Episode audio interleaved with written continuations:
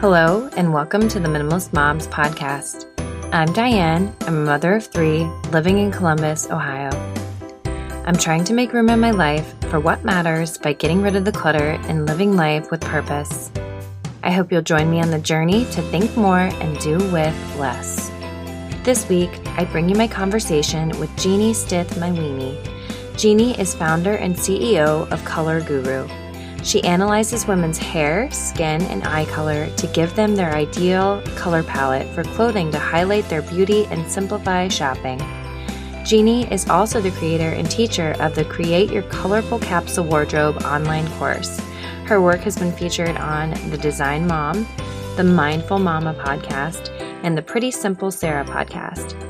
It may not sound like a minimalist concept, but the work that Jeannie does for women really helps to simplify the time that women use to get ready.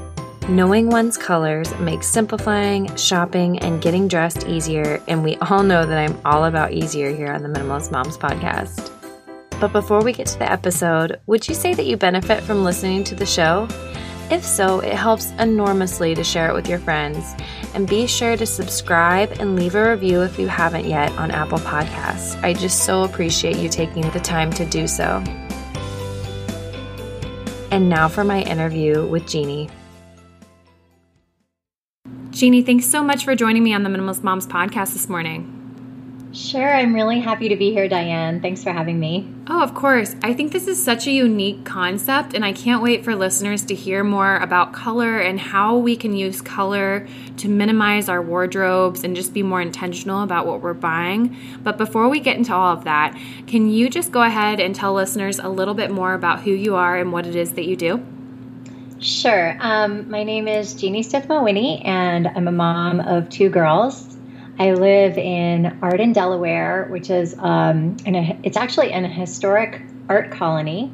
Uh, and it's a very interesting little place to live. And I created a business called Color Guru, which we're going to talk about a little more, that basically helps uh, mostly women, and most of the women I work with are moms, pare down their wardrobes through color.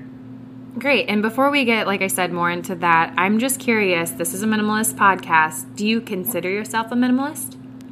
I do consider myself a minimalist. My husband and I both kind of got into minimalism and the idea of being financially independent as well, just around the same time. But I have always really been interested in, I, I, think I've always been interested in editing out. Like I've always kind of enjoyed decluttering, getting rid of things. I think I'm like at the core really interested in what is essential for my life and not having a lot outside of that. And my husband and i kind of always ask ourselves like is this decision we're about to make is it going to make our lives simpler or more complicated? So i mean i kind of feel like we do it in our home as much as we can. I mean we have two kids and you know life changes when you have kids and more stuff comes into your life. But I feel like we're fairly intentional about what we have in our life, but we're also kind of intentional about minimizing our stress level just in the choices we make in our life. Like we in, we're paying for a school right now that's like super close to our house so that we can walk there, you know, mm. for the mm. girls. And for us, that's just the decision that's like, you know, it's a financial uh, choice. Like we're trading off money to just be able to walk to school and, mm-hmm. and, show our girls that we have the time to walk to school. You know, it's kind of decisions like that. I think so. It's think it's broad in terms of the way we think of minimalism, not just stuff, but like also the decisions of our life. Mm-hmm. And within that paring down and decluttering, you decided to kind of hone in on color, and that's where your expertise lies. So I'm curious, kind of jumping into what our topic is today, what kind of became a driving force for you to help women simplify in this way? And if you want to just go back, you can talk about what exactly it is that you could do. And I guess we'll get through some of that with some of these questions. But yeah, what originally was your driving force in helping women? I think the driving force for me, I mean, it really started with my own issue of, you know, I had sort of simplified the rest of my house. And what I noticed was, when I tried to simplify my closet, it just wasn't working. Like it wasn't working like the rest of my house worked. and I actually um, wrote a blog about this a while ago saying like I love Marie Kondo, I love that book, I love that concept, but it doesn't work in the closet because you can sort of say like you know what what in here do i love? But it doesn't necessarily like you can love things that don't necessarily look good on you and you can like you can love them on their own. Mm-hmm. the thing about your closet is it has to work together in order for it to be efficient right? Mm-hmm. so when you're going into your closet you might have like 50 things that you love individually, it doesn't mean that they all go with each other. And mm-hmm. I was really finding that I had multiple issues. The first issue was sort of like my body had changed after I had my children, and I didn't feel like I necessarily had time to kind of spend a lot of time shopping and figuring out like how do I dress this body now. And I was feeling overwhelmed when I did have like a little time here and there to shop. I was feeling overwhelmed by all the options. And I think I had learned in other areas of my life that, like, when I set sort of intentional boundaries for myself, there's freedom in that. So I was like, how can I set some intentional boundaries for my clothing, mm-hmm. you know, so that I go into a store and everything is not an option, you know? And so that was kind of my, the driving force was just at first I was literally solving the problem for myself. My clothes weren't going together, they weren't looking great on me, and I had no boundaries, so I always felt overwhelmed while I was shopping. No, that makes a lot of sense. And I think that there are yeah. some people that are minimalist or are creators of capsule wardrobes and they believe that you don't have to have a color coordinated capsule or closet. I guess just we'll say what would you say to that?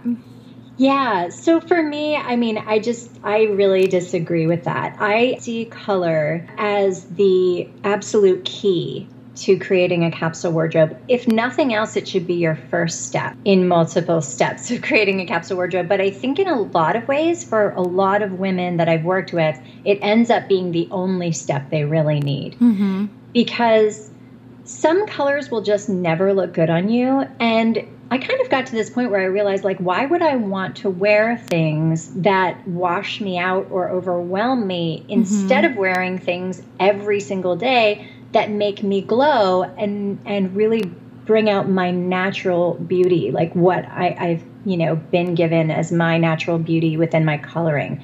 And so some colors just will never look good on certain coloring. And so I thought, well, if I could learn that, mm-hmm. then I could put on clothes every day that I look and feel really good in. So that would be a great step. And then I thought, well, it makes so much sense because you can walk into a store and you can scan for your best colors. Mm-hmm. And so basically for me that was more of a like an efficiency thing. Like it cuts the shopping time in half because you can just walk into a store and you can scan the store. There are certain colors I don't wear. I don't wear like bright blue. I don't wear gray. Like I just ignore them completely, like the colors I don't wear. Mm-hmm. And so that was a major time saver. So now I'm like buying colors that look good on me every time and I'm saving a ton of time in the store um, and then the bonus at the end was sort of that my closet all started to coordinate, even things like my shoes and my bags and my jewelry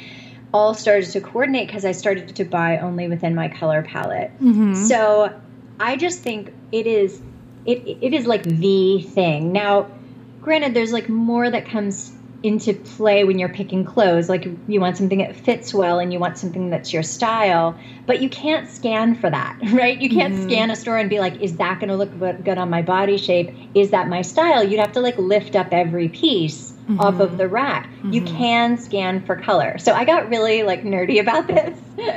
to be honest, I was just like, it makes so much sense. Like you have to start with color. So I always teach the women who I work with, like, just color is 1st mm-hmm. that is your that's your first step to kind of creating a wardrobe that you really love and that also really works for you. Mm-hmm. So I'm going to say this, and I hope that you don't take this in an offensive way. I, I mean this as a compliment. So prior to us talking, I was somewhat of a skeptic because I am skeptical and cynical about everything. Um, it's just a personality yeah. tendency. But you and I actually did meet and discuss my colors, and I have to say, I am a believer. I I had been thinking for the longest time, and this was something that you confirmed within our time together, but I just felt like black was not a color for me. I was, I have a lot of black because everyone says, like, oh, you have to own the little black dress. Oh, black is slimming. Black is this and that. And I just felt like it was so harsh on my, my skin tone and with my, my red hair color. And when we went through my colors, black was not on there. And yeah. it just mm. kind of reiterated this thought that I'd already been thinking. And just seeing some of those colors that were on my own personal color palette, I. I don't know. It just, I was like, yeah, that makes a lot of sense. And it makes a lot of sense that I can go into a store and just scan my colors. It's going to cut down in my time. So again, I hope you take that as a compliment because it was wonderful and you proved me wrong. I do I'm appreciate so it. Glad. No, that's the ultimate compliment. I mean, to have you know somebody who's a skeptic then see the value in it is like the the ultimate compliment. So thank you. Yeah, I'm really glad. I'm I don't know if you're familiar with Gretchen Rubin, but she has the four tendencies and I'm a questioner, so I do have to ask like continuous questions. So you you proved me proved me wrong. Well, I do know her, and I'm a questioner too, which is probably why I'm not offended. okay, that's I good. Would, I totally question everything too. Okay, I'm like, can this really work for me? Yeah, yeah, but I'm I'm I'm a huge believer in color, and I've also you know I've worked with so many women at this point, and I have to say when I first started this business, I had a little bit of my he- my main hesitant hesitancy um, mm-hmm. about starting the business was like I just felt like it wasn't a big enough like world saving, you know, idea. Like mm-hmm. I felt mm-hmm. like I had to be doing something bigger than this, you know, somehow. But now it's so funny because I get emails like almost every week saying, "Thank you so much. This has like changed my life. Like mm-hmm. I don't have I don't I'm not trying on 10 outfits anymore. I know exactly what to buy in the store.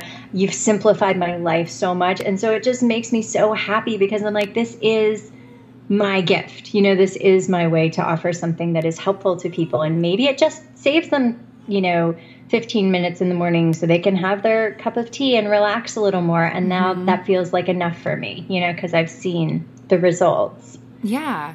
I want to actually talk a little bit more about that. So, it is allowing women to be more confident in the way that they're dressing. And so, I guess, what would you say in regards to clothing and confidence? And do you think that the two are attached? And I'm kind of curious, like, is that a good or bad thing? So, yeah, yeah. I think that's a great question, and I think, um, I think they are attached, but I think I think clothing and confidence are very attached, actually, because I know for me, my whole clothing game sort of shifted after I had kids in terms of, um, again, like I said, my, my body had sort of shifted. Um, my clothes didn't fit. I didn't want to wear my maternity clothes. And yet, you know, if anybody who's had kids has been there, and yet you don't want to buy a whole bunch of new stuff because you're like, well, wait, like how much of this weight is going to come off from like the baby and when and how long? And it's just an awkward time. And so I started and and I felt a little less confident in my body. I mean, and my clothing because I think I was, you know, with with the kids, I was wearing clothing that was practical for a long time when they were really young because you just never know when you're going to get like spit up on or whatever, yeah. right? So, but I also really started to notice that um, when I would wear the clothes, like at home, like sort of my comfy clothes that I would wear at home with my kids, when I would wear that stuff out, I just didn't feel good. Mm-hmm. I just really wanted sort of separate clothes. You know, I wanted clothes I felt good in for home, and I w- felt wanted clothes I felt good in for going out and um, and I could feel the difference. I mean, to me, I sort of had that thing where I tried to talk myself into the idea that it didn't matter for a long time.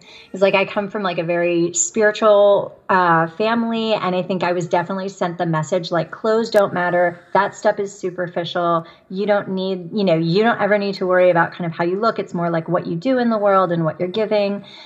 And I really tried to like get get into that idea. And at the end of the day, I just couldn't embrace that as my truth. But I, I think the other key that I want to mention is I think it's a really important distinction that we are feeling and looking good for ourselves, right? Mm-hmm. Not to please people outside of us or not to look like some ideal, you know? And um, that's another reason I love the colors is because it kind of takes it takes the focus off of the size of our bodies, which is such a sort of toxic thing in our culture, like this focus on the size of our bodies, mm-hmm. and it puts the fo- the colors put the focus on um, you know, on our beautiful coloring, which is so different and so varied. And I, I, I feel like what I get to do through this work is really show women their beauty in a new way. Mm-hmm. You know, and to really see them, you know, and this, and everyone I look at is just so beautiful. I mean, it almost just blows me away on a daily basis. I'm like, my God, look at this woman's eyes and like, look at this woman's skin. And like, you mm-hmm. know, and they all just have these beautiful things. And I think that because there isn't the pressure around that, that there is around sort of some of the body shape stuff, mm-hmm. That they are more open to seeing that in themselves as well. And mm-hmm. so a lot of women find this work kind of a real, um, a real confidence boost because the focus is shifted. Mm-hmm. Today's episode is sponsored by Osea Malibu, the original plant based, results driven skincare line. As I'm now into my 30s, I figured it was time I start prioritizing my skincare. I have been looking for products that nourish my skin, are non toxic, cruelty free, that do not break the bank. I was thrilled to partner with Osea Malibu because each product is pure, safe, and effective. Their skin nourishing products are made entirely of plant derived ingredients and are even a good choice for moms to be. Their sustainably sourced organic Patagonian seaweed and active botanical products easily absorb into the skin and effectively bring out balance while targeting signs of aging and skin imperfections. Living in Ohio, I really need a great moisturizer in these dry winter months. I can confidently say that Osea has helped me to hydrate my skin and has also minimized the appearance of redness and irritation. So if you're interested in trying out the products for yourself, head over to oseamalibu.com slash minimalistmoms. That's O-S-E-A malibu.com slash minimalistmoms for $10 off your first purchase of $50 or more, free shipping for U.S. orders of $75 or more, and free samples with every order. Now back to my conversation with Jeannie.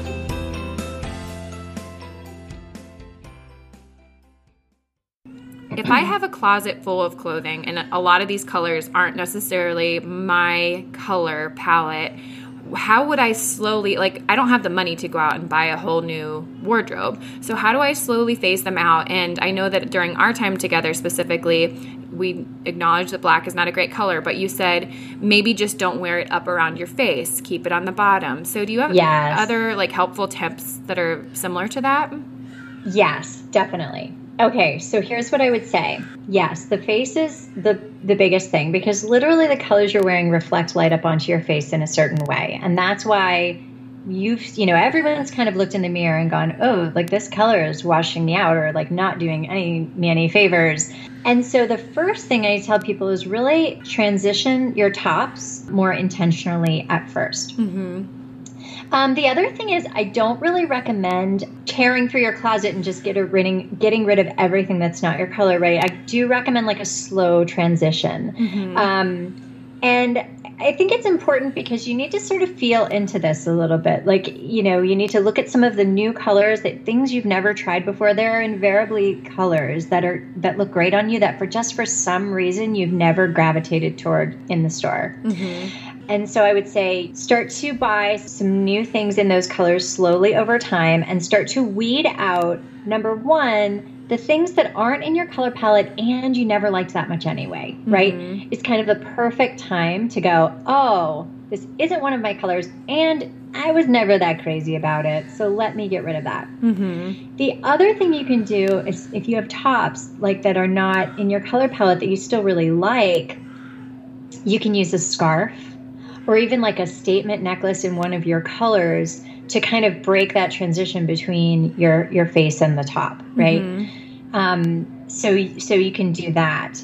I just really recommend a slow transition, you know, and tops 1st mm-hmm. Yeah. Yeah, because I most of my workout clothes are grays and blacks and I don't necessarily want to go out and buy a whole new set of work, uh, workout clothes, and that's okay that I feel like I'm leaving them kind of in that realm. So, is there just anything else that you'd like to say, kind of in summary of why we can make our life simpler by considering just our color palettes and our personal wardrobe? Yeah, I just think you know, taking a little bit of time to put into this is sort of is sort of the important thing, right? Because it's kind of one of those things we don't really generally take the time to do. I mean, we, we might sort of try to weed out our closet and get rid of some of the excess. I, I just found for me that that didn't really work mm-hmm. until I had a system for what I was bringing in, mm-hmm. right? Like a real specific system for what I was actually bringing into my closet. Because I used to declutter before I knew my colors and before I, you know, created this whole thing. I used to declutter my closet and then like I swear a month later it just felt like I hadn't done anything, mm-hmm. you know?